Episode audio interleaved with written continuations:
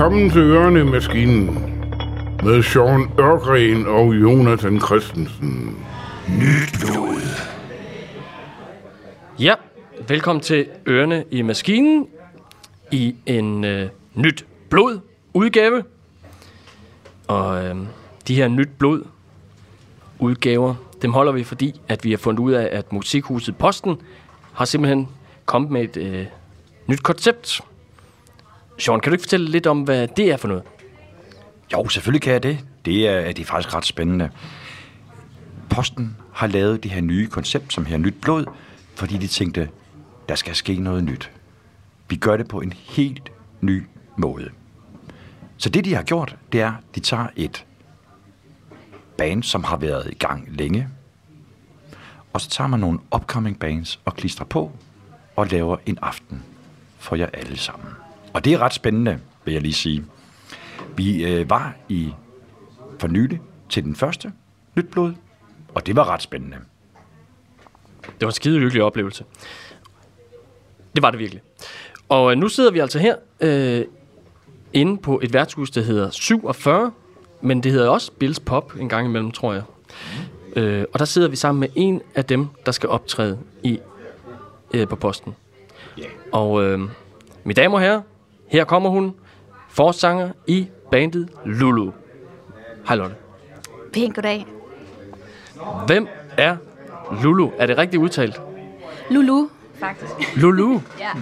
Jamen altså, øh, Lulu, det er et, øh, et projekt, som blev affødt, da jeg for tre, små tre år siden besluttede mig for, at jeg ikke fungerer i den klassiske bandkonstellation.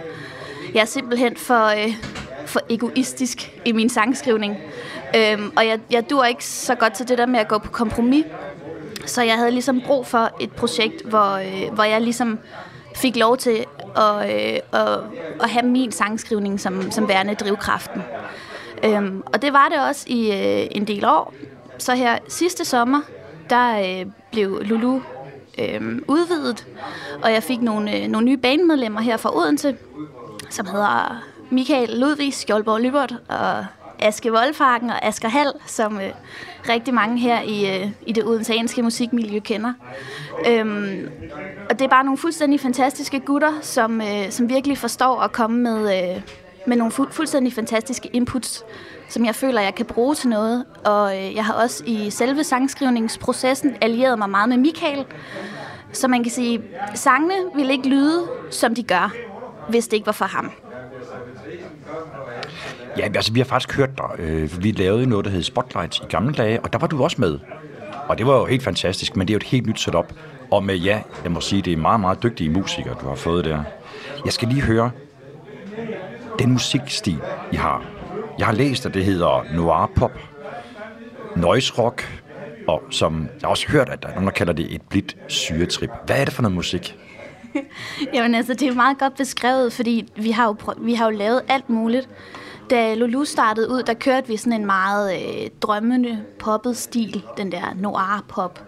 Øhm, sidste sommer, da jeg fik de andre gutter med, der besluttede vi os for, at vi skulle kaste os ud i noget, som var mere elektronisk. Så der lavede vi noget, som vi kaldte øh, psykedelisk trance nærmest. Altså, og det var sådan, og det, det var virkelig, det var virkelig utrolig syret og, og meget, meget hårdt pumpende. Øhm, og så her i, øh, i efteråret og hen over vinteren, der har det ligesom været lidt på standby, efter vi spillede den sidste koncert til Karusel, hvor vi alle sammen har været sådan lidt i tænkeboksen, nok mig især. Øhm, og nu her i forbindelse med det næste Nyt Blod arrangement, der har vi besluttet os for, at vi skal prøve at gå en lidt anden vej. Så jeg tror, det bliver meget sådan, vi vil finde lidt tilbage til rødderne, og det kommer til at være mere instrumentpræget. Og så har vi også allieret os med en, der hedder Johannes, som øh, forhåbentlig kommer til at være med på keys. Vi har ikke øvet med ham endnu, men, øh, men i hvert fald, så det bliver, det bliver super, super spændende, og det bliver meget... Altså, det er svært at sige sådan helt præcist, hvad det kommer til at, at blive den 3. maj, fordi vi ved det faktisk ikke rigtig selv endnu. Men det synes jeg også lidt har sin charme. Øhm, det bliver, der kommer til at være nogle af de gamle sange, og der kommer også til at være nogle nye sange. De gamle sange kommer til at, at blive fremført i en ny indpakning, så at sige. Fedt. Fedt, fedt, fedt, fedt. Hvad, øh, det der med at, at, at undersøge genre sådan hele tiden, og at skulle finde på noget nyt, og, sådan, og, og skulle finde sig selv hele tiden. Øhm, kan det ikke være sådan lidt øh, hårdt? Altså, øhm, hvor vigtigt er det for dig, at du skal fatte helt rigtige udtryk? Jamen altså, for at svare på det, du, du spurgte om først, om hvorvidt det var hårdt, så jo, det er fuldstændig umanerligt hårdt og opslidende, og der er også dage, hvor man ligger i fosterstilling og, og, og tvivler på meningen med det hele. Men, øh, men altså, umiddelbart så synes jeg, det er en ting, som, som kommer ret naturligt til mig, i og med, at man også ændrer sig som, som menneske, så afspejler det sig også i musikken. Øhm, de sidste fem år føler jeg, at jeg som person har ændret mig rigtig meget, og jeg har været igennem rigtig mange ting. Både musikalsk, øh, såvel som i mit personlige liv. Øhm, og det tror jeg bare, det kommer, det kommer til udtryk i, øh, i genre, safarien, som, som Lulu ligesom har været igennem. Men, øh, men jeg, jeg føler lidt, at jeg har, øh, jeg har fundet et, et ståsted nu. Øhm, og, og jeg tror, det er det, vi kommer til at, at tage udgangspunkt i. Ja, man må sige, at øh, du er lige så spændende som din musik. Og det får mig til at tænke, du har jo boet i København. Og der er alle de her musikere fra Odense, de flygter jo til København, fordi hey, det er jo der, det sker. Men du flygtede tilbage. Hvad skete der lige der? ja, jo, men altså, øh, jeg flyttede helt klart til København med, øh, med den tanke, som du også beskriver der, og den der mentalitet om, at øh, alting var ved at dø ud i Odense. Og øh, København er en by, som bare er nemmere at få koncerter i. Altså, der sker bare meget mere, og du kan sidde en tirsdag aften og, og sidde og kede dig, og det er lige meget hvad, så sker der altid et eller andet, som, som kan fange ens interesse, man kan tage ud og opleve. Øhm, og det var også rigtig, rigtig fedt. Og hånden på hjertet, så det der resulterede i, at jeg flyttede tilbage til Odense, det var faktisk, at jeg boede i en lejlighed, der var til salg i København. Jeg kendte en, der havde en lejlighed, der var til salg, og så tænkte jeg, okay, nu flytter jeg derover, og så bor jeg i den her lejlighed. Øhm, fordi den, den, altså, hvis, jeg, hvis jeg er derover, så må det være nemmere at finde noget at bo i. Det, der ligesom viste sig og, ja, at være sandheden, det var, at det gjorde det faktisk overhovedet ikke nemmere. øhm, og da den her lejlighed, der ligesom ikke var mulighed, øhm, da det ikke var en mulighed længere at bo i den her lejlighed, så skulle jeg jo have et andet sted at bo. Og så, øh, så tænkte jeg bare, nå jamen altså, det kunne da også godt være, at vi skulle prøve at give det der Odense en chance til. Og så flyttede jeg tilbage, og det, som Odense kan for mig, som København ikke kan, det er, at herover øh, uden, uden, det er overhovedet ikke for at putte mig selv op på nogen pedestal eller noget som helst, men der er bare ikke den samme konkurrence. Og der er ikke særlig mange kvindelige sangskrivere, som, som jeg føler ligner, eller har, altså, jeg vil ikke sige, at jeg ikke har det samme tilbud. Det kan jo godt være, at der sidder nogen på deres værelser et eller andet sted, som vi bare ikke kender til, men jeg føler ligesom, at der er, ikke, der, der er lidt mere albuerum herover som, som kvindelige sangskriver, og det er lidt, det er lidt lettere at gøre sig øh, hvad siger man, udmærket på scenen her, end det er i København. Øhm, og det er jo faktisk en fordel, fordi når du skal booke noget i København, så ser de jo også på, hvor man kommer fra, og hvad man ligesom står for der, hvor man kommer fra. Mm. Så med hensyn til det musikalske vil jeg faktisk ikke sige, at det er en hemsko at bo i Odense. I bund og grund, så kan du bo hvor fanden du vil. Altså, du kan bo på, på heden i Jylland. Altså, det, så længe du ligesom bare har et eller andet at, at byde ind med, så det er det vigtigste. Ja. Jeg synes, det er skide fedt, at uh, du røg tilbage til Odense. Vi har brug for sådan nogle kræfter i Odense, synes jeg. Og, og ja, hvorfor har vi det? Jamen, så kan folk sådan uh, se lidt op til, til dig og din musik, og, og måske få inspiration til at og også lave noget og blive i Odense. Og, og egentlig sker der jo meget fede, øh, fede ting i Odense, men øh, nu kommer jeg sådan lige til, eller efterhånden synes jeg, der sker flere ting. Så. Men nu kommer jeg lige til at tænke på, Lotte, hvad... Øh, det kunne jo være, der sidder nogen derude og har der lidt som sådan en øh, at se op til. Hvem ser du op til? Har du så nogle helte inden for... Øh, findes der nogen øh, i din genre, som du ser helt vildt op til, eller er det nogle helt andre? Jamen altså, jeg har det helt klart øh, forbilleder, øh, i, i, altså rent sangskrivningsmæssigt. Den, den største af dem alle sammen er u, øh, usammenligneligt Nick Cave. Det er det helt bestemt. Og øh, ser også utrolig meget op til Lana Del Rey, Øhm, lige så meget på grund af det udtryk, hun skaber i, øhm, i sin musik, og ikke kun i sangskrivningen. Jeg, og øhm, i mange år, der skrev jeg jo også selv på engelsk. Fordi når man skriver på engelsk, så vil man gerne, altså man vil jo gerne være som sine idoler. Men øh, sidste forår, der, øh, der startede jeg på øh, Gladiators sangskriverskole i København, hvor øh, jeg blev undervist af Nikolaj Nørlund, som jeg personligt synes er godfatheren af dansk sangskrivning. Og øh, det var et meget lille hold. Vi var kun syv, seks, syv elever, øh, der mødtes hver tirsdag og sad sammen med Nørlund, og så skiftedes vi sådan fra gang til gang øh, til at have, have sangen med, som vi præsenterede for, for ham. Øhm, og han var hård. Mm. Altså, han, han, han, jeg vil også gå så vidt at sige, at han var ikke konstruktivt hård altid. Han var umanerligt ærlig. Og øh, han, øh, han, var ikke, han var ikke bange for at give udtryk for, hvis han synes noget virkelig var noget lort. Mm. Og øh, den første undervisningsgang, der havde jeg ikke en sang med. Det havde jeg den, faktisk først den tredje gang, så vidt jeg husker. Og, øh, og der kan jeg huske, at jeg tænkte sådan, okay, nu skal jeg fandme, nu skal jeg fandme bare gå til ham.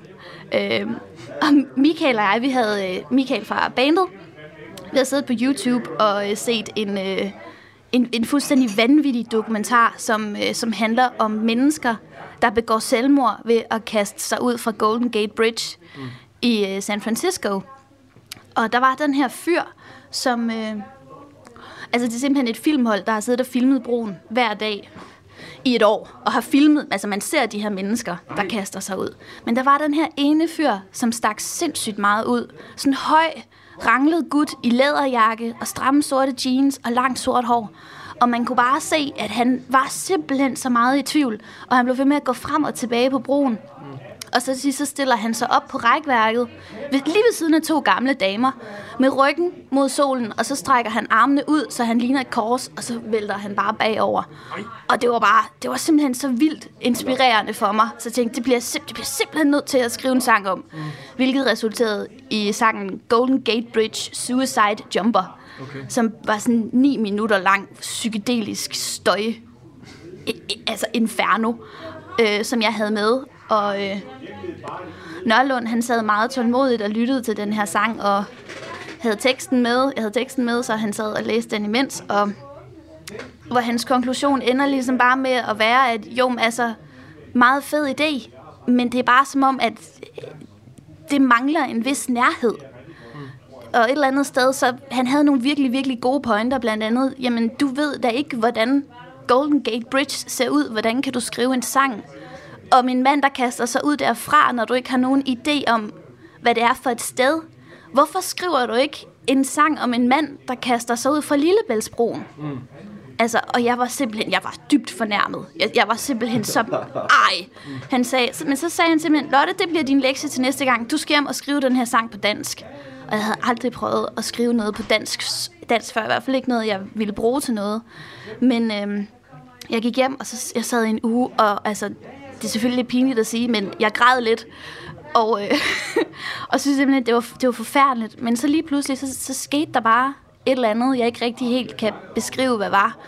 Men øh, det, blev, det blev til en sang, der handlede om en, en dansk mand, som, øh, som overvejer at kaste sig ud fra Lillebæltsbroen.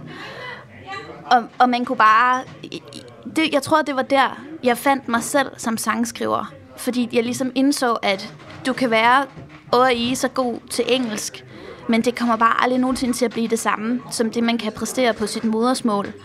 Og der begyndte jeg så at få øjnene op for dansk sangskrivning.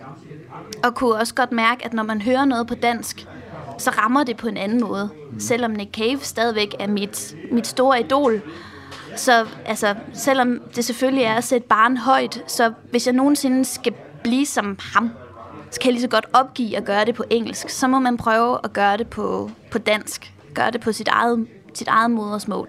Ligesom stile efter det, han kan, men så prøve at forsøge at gøre det på dansk. Altså selvfølgelig med det sagt, at jeg ikke sætter mig selv op på niveau med Nick Cave, men øh, jeg håber, det giver mening, det jeg siger. Det giver meget mening. Nu kommer jeg til at tænke på, nu sidder vi jo inde på et værtshus, øh, det hedder 47, som sagt, med, det har du valgt. Men egentlig så skulle vi have mødtes øh, på en kirkegård. Og, øh, og det gjorde vi ikke, fordi det regnede lidt og sådan noget, og, men det gør det egentlig ikke mere. Men, øh, og nu snakkede du lidt om alt det her med at kaste ud fra en bro og død og alt muligt. Er, er, hænger det sammen? Hvorfor skulle vi mødes på en kirkegård? Jamen, det hænger da i, i allerhøjeste grad sammen. Det gør det da bestemt. Jeg synes ikke, at... Øh, jeg tror lidt, min pointe med kirkegården, det var, at jeg synes ikke, der skal være nogle emner, der er for tabubelagte til at berøre dem i sin sangskrivning, og noget, som min sangskrivning har kredset utrolig meget om, har været døden. Øhm, ikke nødvendigvis, fordi det interesserer mig så meget, hvad der sker med os efter døden, fordi jeg tror faktisk bare, at alting det slutter, og det bliver sort, og hvis man bliver begravet, så bliver man til jord. Øhm, men, øh, men, det, men det, der interesserer mig ved døden, det er ligesom, de, altså, hvad den gør ved os, når vi er i live, og, øhm, og hvordan det er at dø. Og i allerhøjeste grad, hvilke tanker, der går igennem hovedet på et menneske, der vil stoppe sit liv, før det egentlig vil rende ud af sig selv. Så jeg synes, og det synes jeg er et super, super, super vigtigt emne at, øh, at tage fat i. Og så synes jeg også bare, at det at begive sig på en, på en kirkegård, eller begå sig på en kirkegård, det, det på en eller anden måde får det en til at føle sig mere i live, synes jeg. At man går rundt der blandt alle de her mennesker og ser på alle de her gravsten mennesker, som har, har åndet og har levet og har elsket og hadet, som, som vi alle sammen gør. Og nu ligger de der, ikke? Jeg synes ligesom, det, det, det fremprovokerer en, en vis drivkraft i en som menneske. Ja, og det er jo ret spændende. Jeg kan godt følge dig, fordi at derude, alle de mennesker, der ligger der, som mange af dem, de er jo jord, de har jo virkelig været i live. Det svarer lidt til, at man går ind i byen og tænker, hvad i alverden skal der sker inde i de her vinduer rundt omkring. Og det er jo fedt. Det elsker jeg. Altså, wow. Men nu skal vi over noget lidt andet. Fordi du har jo spillet mange steder. Faktisk rigtig mange steder. Jeg prøver sådan at danne mig et overblik over det. Det kan jeg overhovedet ikke. Du spiller alle steder. Store steder, små steder, de vilde steder. Men kan vi ikke få en lille bitte historie? Altså en lille frækkert. Er der ikke sket noget meget, meget mærkeligt backstage eller et eller andet? Har du en lille fræk historie? Ja, skide god idé, Sean. Det skal, det skal vi høre. Ja, det. Uha, det var sådan en, det ville have været rigtig fint, hvis jeg lige havde haft lidt tid til at tænke over den. Jamen, du kan godt lige få øh, et minut, Sean, så kan vi lige... Øh... Jeg har en. Nå, du har en? Ja, ja, ja, jeg, har, jeg har en. Altså, men det, det er mere sådan med hensyn til det der med, at man, man kommer ud og spiller alle mulige mærkelige steder. Og øh, der var en sommer, det var sommeren 2015, hvor jeg tænkte, jeg skal fandme ikke være for fin til at tage imod noget som helst overhovedet. Og så var der det her sådan sted nede på Midtfyn, somewhere, der hed Kims Sommerfestival. og jeg tænkte sådan, det lyder eddermame suspekt, men øh, lad os da bare give det en chance for pokker. Øhm, jo, og, og min far, han, øh, han er gammel underholdningsmusiker, har været i underholdningsbranchen i, i mange år, og øh, Kims Sommerfestival, det var bare, det var sådan et sted, som min far kunne, øh, altså, det, det, det, det var noget, han kunne sætte sig ind i. Ideen bag det, og de bands, der ligesom kom og spillede der. Så øh, min far, han tropper jo selvfølgelig op til den her koncert, hvilket var fantastisk. Mine forældre har altid været super, super søde til at, at bakke mig op i det her. Øhm. til den her koncert er der, øh, er der alle mulige mærkelige mennesker i blandt publikum.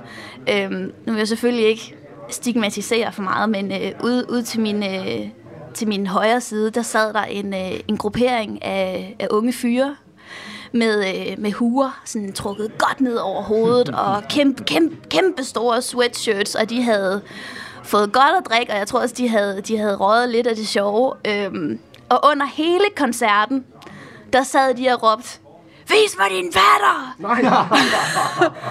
God røv! Og det var simpelthen, altså det var ulideligt, imens jeg til min venstre side har min, min far, der sidder der og, og kan høre det hele. Og jeg tror, jeg har, jeg har oplevet mange mærkelige ting, men det der, det er usammenligneligt det mest grænseoverskridende scenarie, jeg nogensinde har oplevet. Ja. Ej, hvor smukt. Smukt. Og jeg tror altså også, at øh, det er et smukt sted at stoppe, er det ikke? Altså, vi kan jo lige sige, at øh, den her koncert, vi egentlig sidder og, og snakker om, som du skal, skal afholde, det er jo den 3. maj. Det har vi ikke fået sagt. 3. maj inde på Musikhuset Posten. Og der kommer også nogle andre. Ja, det gør der. Men øh, det kan vi jo bare tage lidt senere. Kan vi ikke det? Øh, en anden dag. Men øh, vi skal ind og høre Lulu. Et band, der sådan øh, undersøger ting og øh, genre, men øh, føler sig måske øh, på plads. Jeg glæder mig. Glæder du dig, Sean? Jeg glæder mig rigtig meget. Og jeg glæder mig til øh, den nye stil. Mm. Spændende. Ja. Og tusind tak, øh, Lotte, fordi du gad at hygge med os herinde på 47. Jeg kan også godt lide at være herinde. Skal vi ikke øh, slukke og tage en øh, øl sammen? Det synes jeg i hvert fald, vi skal. Eller tre. Vi ses. Det gør vi.